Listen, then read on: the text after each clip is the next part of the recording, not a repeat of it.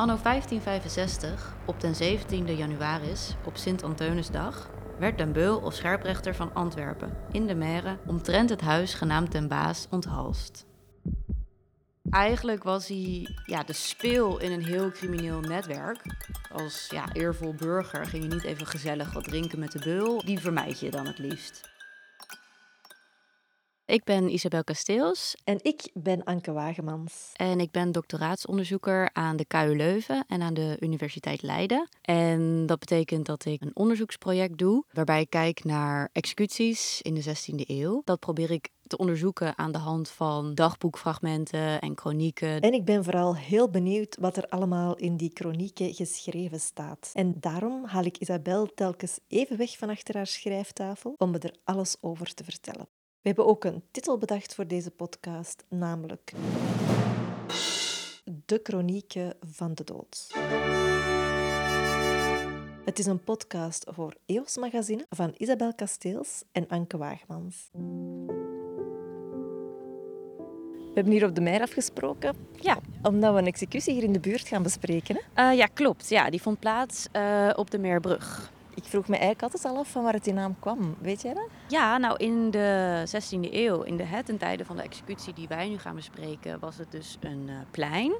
Maar uh, in de late middeleeuwen was het eigenlijk ja, een soort van moerasgebied wat afgegraven werd. Uh, en er werd een vaart aangelegd. En over die vaart um, ja, was dus een brug. Die brug werd de Merbrug. Maar ongeveer in 1540 uh, werd dat gedempt, die vaart. En ja, die brug verdween dus ook. En in plaats daarvan kwam dan uh, een plein.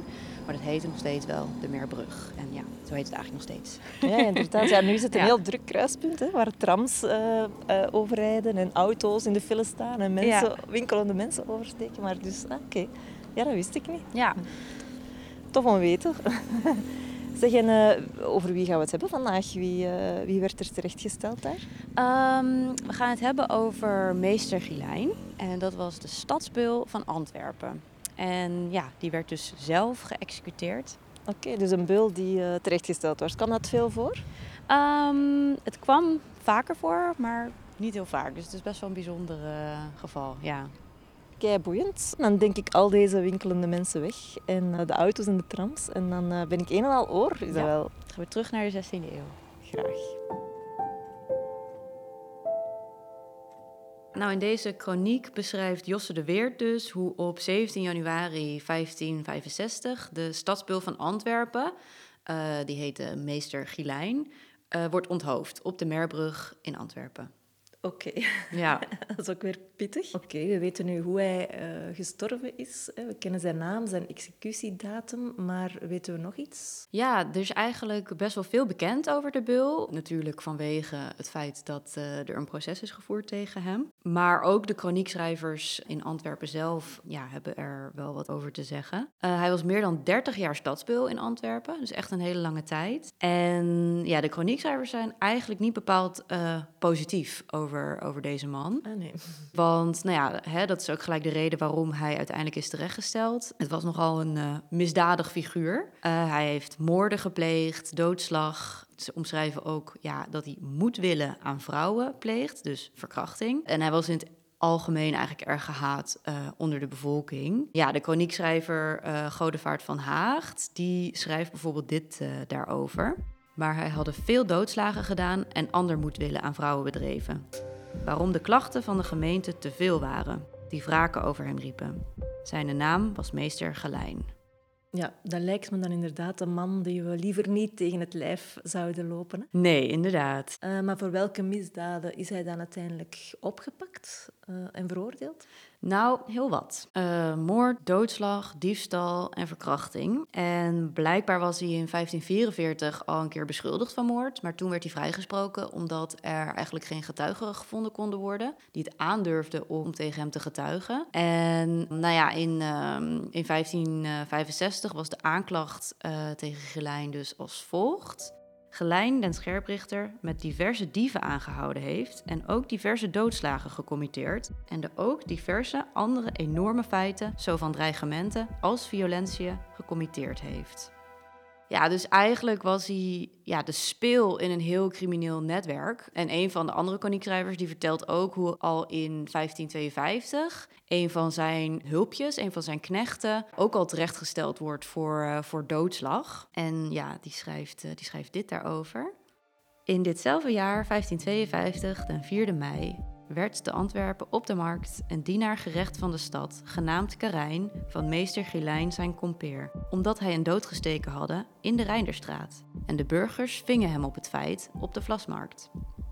Ah ja, dus de mensen zelf hebben hem gevangen. Ja, ja klopt. Dus uh, ja, die, blijkbaar hebben mensen dat gezien en hem, uh, en hem binnengebracht. En dat gebeurde op zich wel vaker op die manier. Hè. Er was natuurlijk geen politie of zo. Dus heel vaak als er ja, iets van misdaad gebeurde in de stad... waren het de burgers zelf die daar uh, ja, iets aan probeerden te doen. Er waren wel een soort van... Ja, ordehandhavers. Dus hè, de schout was eigenlijk verantwoordelijk voor de openbare orde, als het ware. En die had wel wat officieren. Maar goed, dat was niet zoals nu, van dat je politie overal ziet. Dat waren meer mensen die dan iets gingen onderzoeken of hè, ergens heen gingen als ze ergens op geattendeerd werden. En wat je dus wel had, was nou ja, dat dus mensen zelf de wacht liepen. Dus de schutterijen bijvoorbeeld. Hè? Dus dat waren burgerorganisaties eigenlijk. Dus mannen uit de burgerij die, uh, ja, die de wacht liepen. De nachtwacht of de stadswacht of hè, uh, patrouilleerden. Ah ja, zo'n burgerwacht eigenlijk. Dat ken je nu nog wel, hè? Zo in sommige wijken of zo. Ja. Maar dus Ja. geen politie, zoals wij het nu kennen. Nee, nee. Dus iedereen was waarschijnlijk blij dat ze hem eindelijk te pakken hadden. Hè? Was er dan een proces en hoe verliep dat juist? Ja, nee, er was een eh,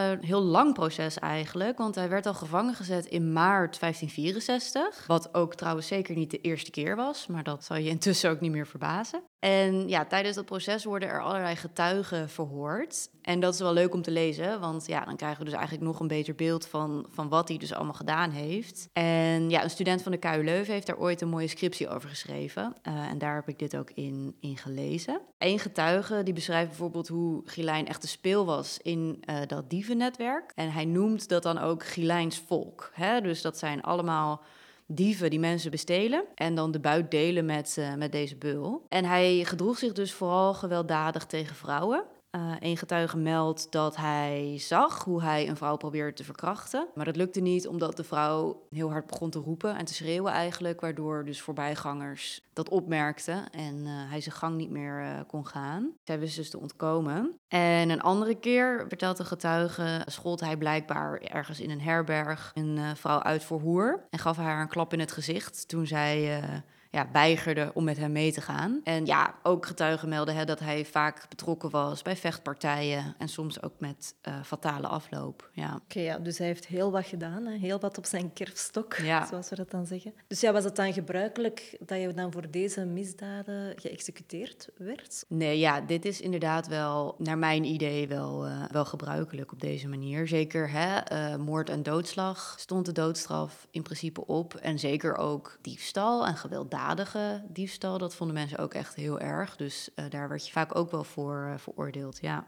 En was dat vaak dat beulen toch ook wel misdadigers waren en dan terechtgesteld werden? Of was dat uitzonderlijk eerder? Het was wel bijzonder, maar het gebeurde toch ook wel vaker. Want ja, inderdaad, het klopt dat Beulen of hè, de scherprechter in deze periode wel vaker uh, betrokken was bij criminele praktijken. Dus dat is wel uh, iets wat, uh, wat meer voorkwam, ja. Wat voor mensen waren dat dan? Wat moet ik me daarbij voorstellen? Ja, het was een heel oneervol beroep. Hè? Van in, in de 16e eeuw werd er over het algemeen een onderscheid gemaakt tussen wat een eervol beroep is en wat een oneervol beroep is. En nou ja, scherprechter is echt het voorbeeld van een heel oneervol beroep. Uh, het was echt een taboe in de samenleving. Je ging als ja, eervol burger ging je niet even gezellig wat drinken met de beul. En daar wilde je eigenlijk helemaal geen, uh, geen contact mee. Die, die vermijd je dan het liefst. Als je eenmaal beul was, ja, dan kwam je eigenlijk ook nooit meer van dat stigma af. En je familieleden ook niet. Dus hè, als jouw vader beul was, dan had je eigenlijk niet echt een andere keus dan zelf ook beul te worden. Want ja, ergens anders kwam je ook niet zo snel aan de bak, omdat je dus al geassocieerd werd met dat beroep. En het kwam ook vaak voor dat je dan bijvoorbeeld trouwde met iemand die ook uit een beulsfamilie kwam. Dus dat waren hè, eigenlijk hele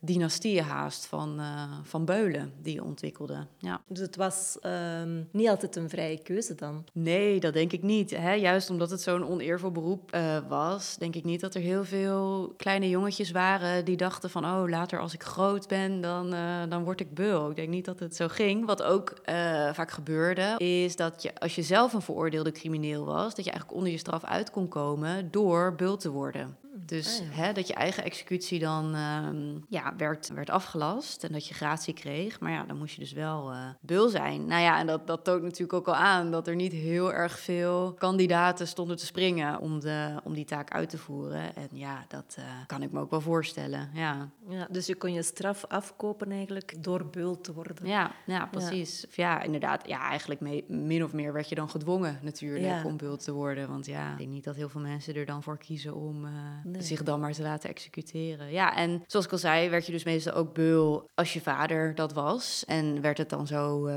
in stand gehouden. En de zoon van meester Gilijn bijvoorbeeld, die werd volgens een van eh, de chroniekschrijvers eh, zelf ook beul. Zeg Isabel, welk beroep zou jij uitoefenen als je hetzelfde zou doen als dat van je vader? Ja, mijn ouders die eh, zitten eigenlijk allebei in de verzekeringswereld. Mijn vader is eh, hypotheekadviseur, dus eh, toch iets heel anders dan, Ja. dan historica. Ja. En zou je er blij mee zijn? Moest je dat beroep moeten doen? Goh. Oh, ik denk dat ik dat eigenlijk ook wel leuk zou vinden. Ah, ja, toch. Maar trouwens, het is wel zo dat mijn moeder ook geschiedenis gestudeerd heeft. Dus eh, ja, ik heb het toch niet van een vreemde dan. Ja, nee, dezelfde interesses toch? Ja. Al goed dat je dat niet geworden bent, want eh, dan zou je al deze verhalen niet kunnen vertellen. Maar goed, even terug naar het beroep van de beul in de 16e eeuw. Kon je dat dan ergens leren? Of was het dan de vader die de kneepjes van het vak of zo doorgaf aan de zoon? Of hoe ging dat dan? Ja. Ehm, nou ja, de beul die ging in principe eerst dan in de leer bij een andere beul. En ja, zo ging dat eigenlijk altijd in die periode als je een beroep wilde leren. En ja, je werd dan eerst eigenlijk beulsknecht. Dus ja, dat kon bijvoorbeeld bij je vader of bij je oom of hè, een ander familielid die dat was. Of bij een beul in een andere stad. Ja, ik heb ook een beschrijving uit een kroniek door een Spaanse soldaat. Die ja, eigenlijk beschrijft hoe dat er eh, hier aan toe gaat. En dat kan ik wel even voorlezen. In deze streken is een zeer groot aantal beulen die door de overheid worden aangesteld.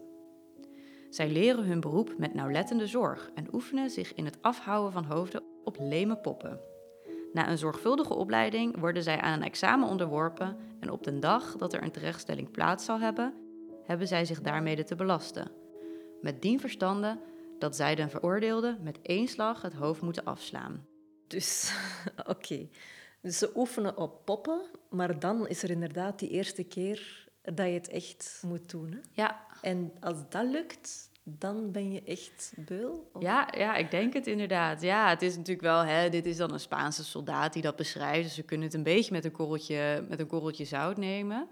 Maar ja, in principe ja. Ik denk wel dat het, eh, dat het zo ging. Dat ze dan op een gegeven moment echt... eh, Ja, je moet het ooit de eerste keer doen ja, natuurlijk. inderdaad. Ja. Ook wel spannend, denk ik. Ja. Ja. Ja. dat ging dus ook wel eens mis. Ik heb ook een fragment waarin dus wordt beschreven dat de beul eigenlijk de eerste executie die hij uitvoert gelijk al verpest. En dat loopt dus ook niet goed af. Dus ook Josse de Weert die beschrijft zo'n voorval dat in het jaar 1508 plaatsvindt. En hij schrijft daar het volgende over. Anno 1508 werd buiten Antwerpen met stenen een scherprechter doodgeworpen van de kinderen, omdat hij zijn exploit kwalijk deden. Dat jammer was, want het was zijn eerste. Dezelfde scherprechter was een schoenmaker en er was eerder dood dan de misdadiger. Ja, het, het verhaal vertelt verder niet waarom hij eh, van carrière eh, is veranderd. Maar eh, ja, blijkbaar ehm, verpestte hij het nogal, zijn eerste executie. En dat Ja. ja, liep niet goed af. Oké, toch even een binnenkopper.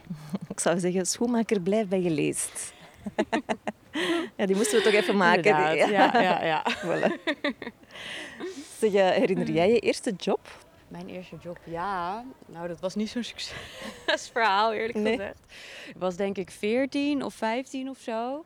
En toen eh, ging ik zo kranten rondbrengen. Of eigenlijk, ja, reclamefolders waren het. Zo met zo van die grote fietstassen, weet je wel. Ah, ja, ja. En dan eh, de hele buurt door. Maar ja, ik vond het echt verschrikkelijk. Ja. En heb je ooit fouten gemaakt? Nou, ik heb het uiteindelijk echt maar een paar maanden gedaan. Want ik vond het dus zo stom dat ik het na de eerste twee keer eigenlijk al niet wilde doen. En toen die laatste keren, toen zijn volgens mij mijn ouders nog met me meegegaan om mij soort van te helpen. Of me te dwingen eigenlijk. En ik weet ook eigenlijk niet of ik toen die laatste keer nog geweest ben. Of dat ik gewoon al die ja, flyers in, eh, in het kanaal gegooid heb, weet je wel. Ja. Of zo in?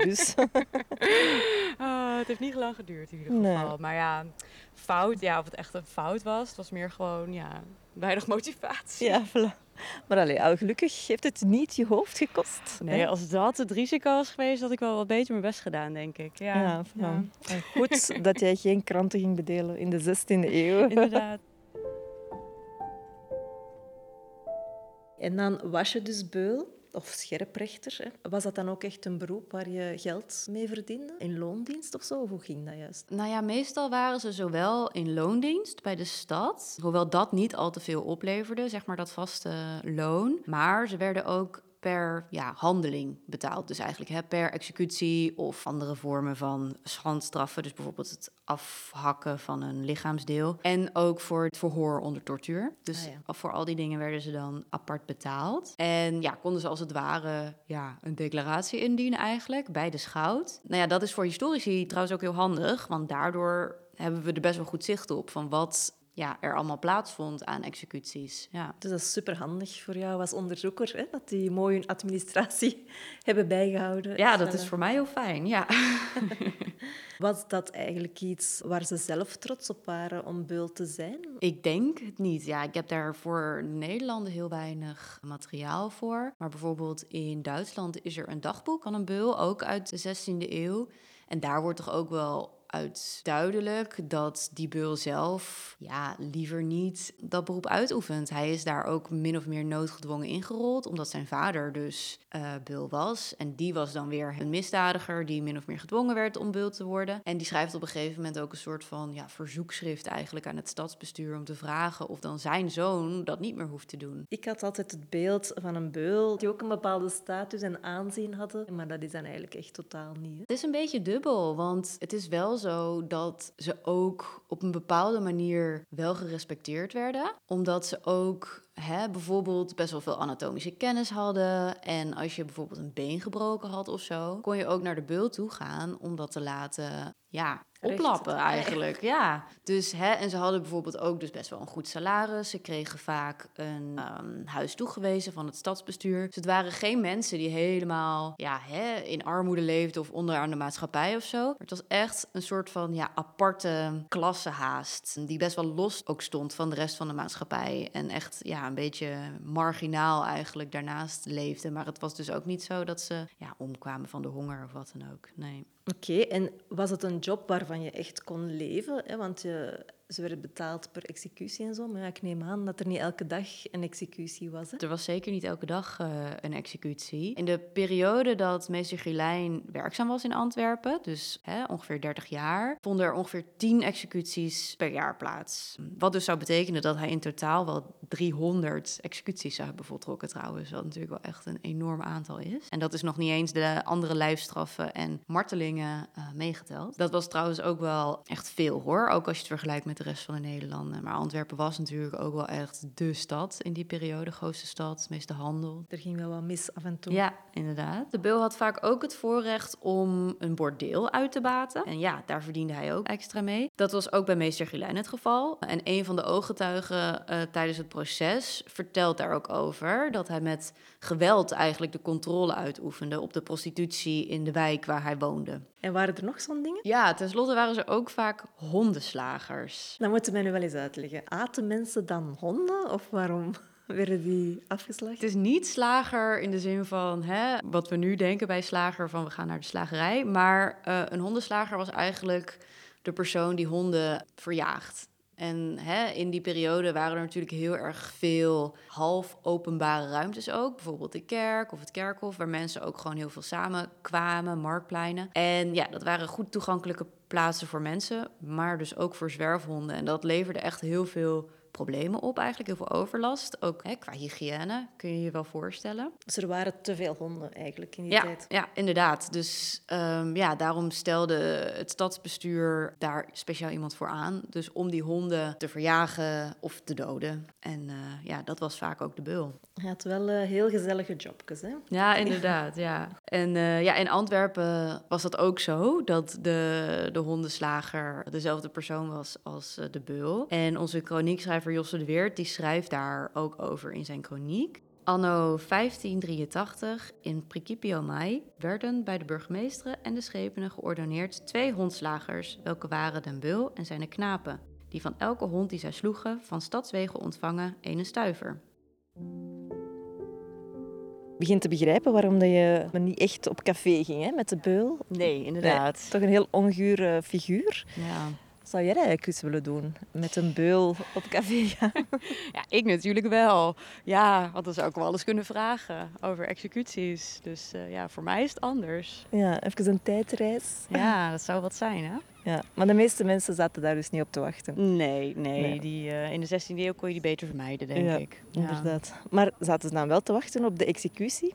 Weet je of dat er veel toeschouwers waren? Ik denk Ja. wel dat er veel belangstelling voor was, ja. Zeker omdat uit het verhaal toch ook blijkt dat het echt wel vanuit de stadsbevolking zelf komt. Eh, hè, de vraag om hier wat aan te doen eigenlijk, om die beul eh, terecht te stellen. Dus dan denk ik zeker wel dat, eh, dat daar veel volk naar komt kijken. Die, die man die was zich eigenlijk constant aan het misdragen in de samenleving. En dat was gewoon niet meer houdbaar. En het interessante is dat ook een beetje blijkt uit die kroniekverslagen... dat de autoriteiten zelf best wel blij waren met hem. Hè? Want diezelfde kroniekschrijver die zegt ook dit daarover...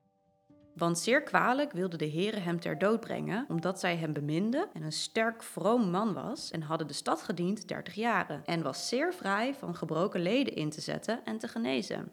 Ja, dus dat was een heel dubbel gevoel dan eigenlijk. Hè? Dus de stad waarvoor hij werkte was tevreden over zijn werk. Blijkbaar wel, ja. Maar de mensen ja, wouden hem weg uit de samenleving. Ja, misschien had het er ook mee te maken dat de stadsbestuurders natuurlijk ook wisten dat het vrij moeilijk is om een echt een goede beul te vinden. Iemand die dat goed kan, iemand die dat eh, voor een lange tijd blijft doen. Dus misschien dat ja, ze vanuit eh, de stad toch dachten, we hebben er nu één. Eh, laten we die zo lang mogelijk proberen te houden. Maar ja, als de stadsbewoners daar gewoon zo erg op tegen zijn, ja, dan heb je als bestuur ook niet echt meer een andere keuze op een gegeven moment, denk ik. Nee, dan moet je het wel doen. Zeg maar, het was dan wel een terechte straf dat hij kreeg. Een gebruikelijke straf voor zijn misdaden. Ik denk dat de Antwerpenaren het zeker wel terecht vonden, ja. En hè, je ziet ook in die chroniekbeschrijvingen dat vooral zijn misdaden heel erg beschreven worden. En hè, dat ze benadrukken van hoe gehaat hij was onder de bevolking.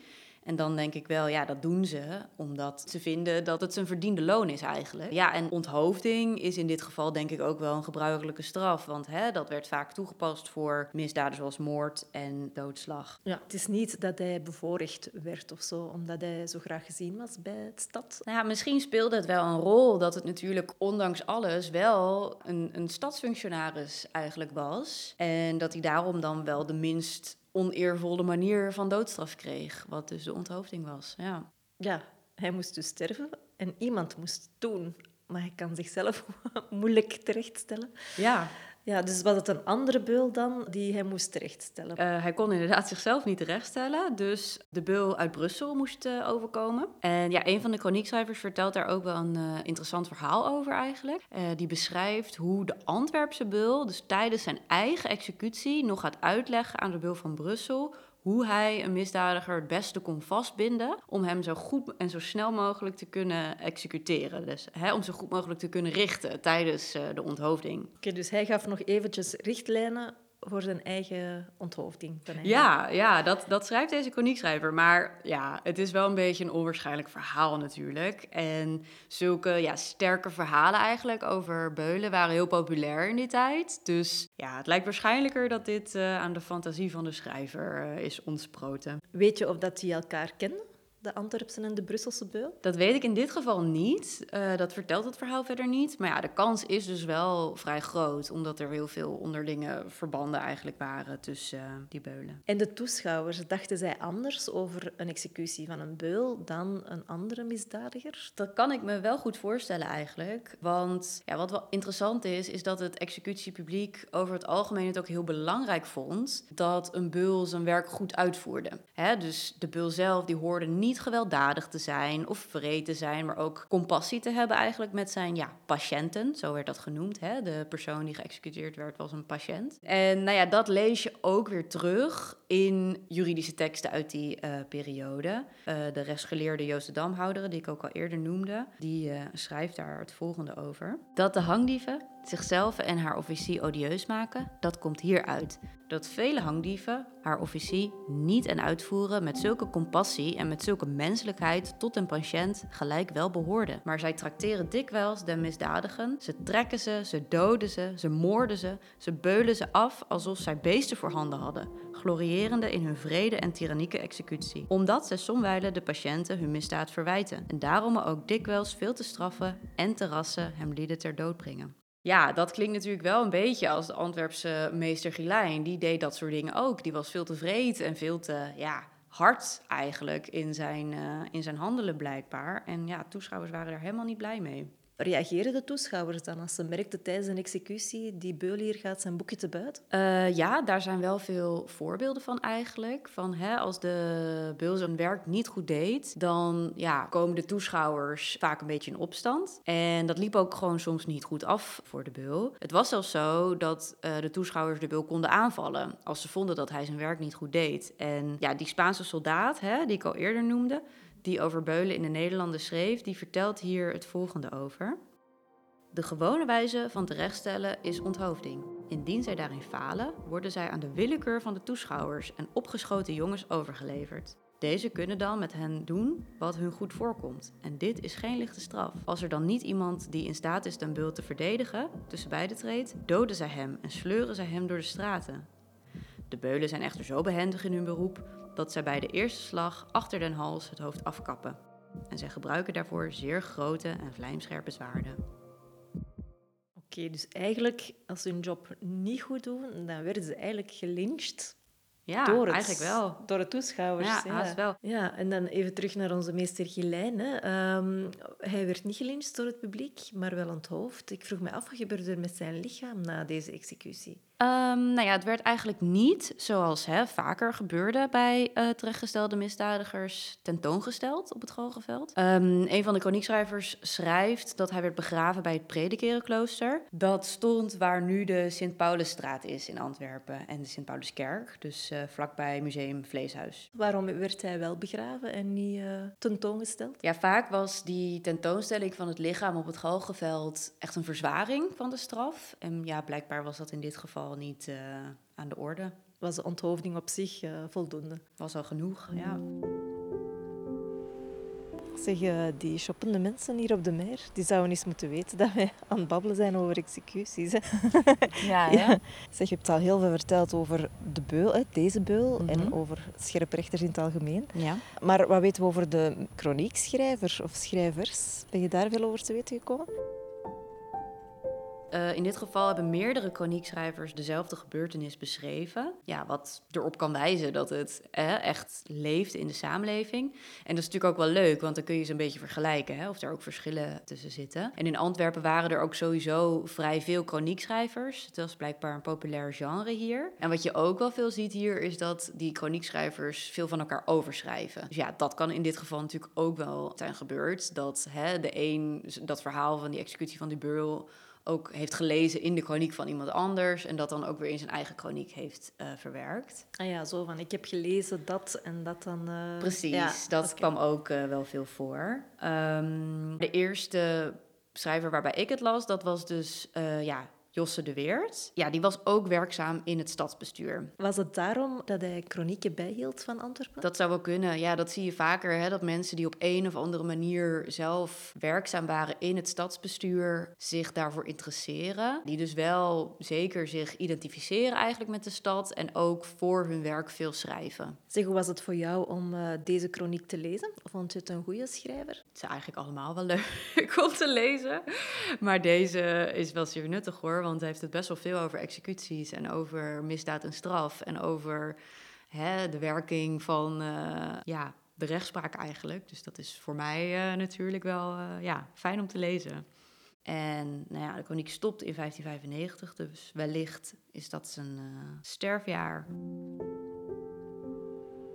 Dankjewel aan Josse de Weert en de andere chroniekschrijvers hè, om alles zo mooi neer te schrijven. Hè. Ja, dat uh, is heel fijn voor ons en voor mij als, uh, als onderzoeker. Ja, ja voilà. Daar ben ik erg dankbaar voor. Ja. Zeg, doe jij dat? Een dagboek bijhouden? Doe je dat zelf? Ja, eh, dat doe ik wel. Maar dat ziet er toch wel heel anders uit dan, eh, dan de chroniekschrijvers die ik bestudeer. Nee, bij mij gaat het toch echt veel meer zo over ja, mijn onzekerheden en zo, weet je wel. Zo je gevoelens en alles en je emoties. Ja. Dat eh, is eigenlijk juist wat er bij hun een beetje aan ontbreekt. Ja. Ja. En wat, wat vind je van het idee dat misschien binnen honderden jaren een of andere historica jouw dagboek zou lezen? Oh, echt, dat, dat is vreselijk gewoon. Oh. nee, daar moet ik echt niet aan denken. Ja. Maar goed, aan de andere kant, ik weet ook dat die er dan waarschijnlijk op een hele neutrale blik naar kijkt. En dan meer zo is van, ja, dat past helemaal in de tijdgeest. die gaat mij dan interpreteren, oh ja, dat was natuurlijk een millennial, hè? begin van de 21ste eeuw. Ja, duidelijk. Wel grappig, ja, inderdaad. Goed, nu, eh, ik zou zeggen, terug naar uw schrijftafel. Niet voor uw dagboek, maar dan voor uw doctoraat. Voor het proefschrift. Ja, Ja, ja. Oké, succes daarmee. Ja, dankjewel. En eh, graag tot een volgende schrijfpauze. Ja, heel graag. Tot de volgende keer. Tot volgende keer. Dag. Doeg. En dan kan ik nu naar shoppen. Hè. Benieuwd naar meer? Wel, in aflevering 3 wordt er een bendeleidster terechtgesteld. En of er een verschil is tussen straffen voor mannen en vrouwen, ja, dat kom je dus te weten als je luistert. Bye bye.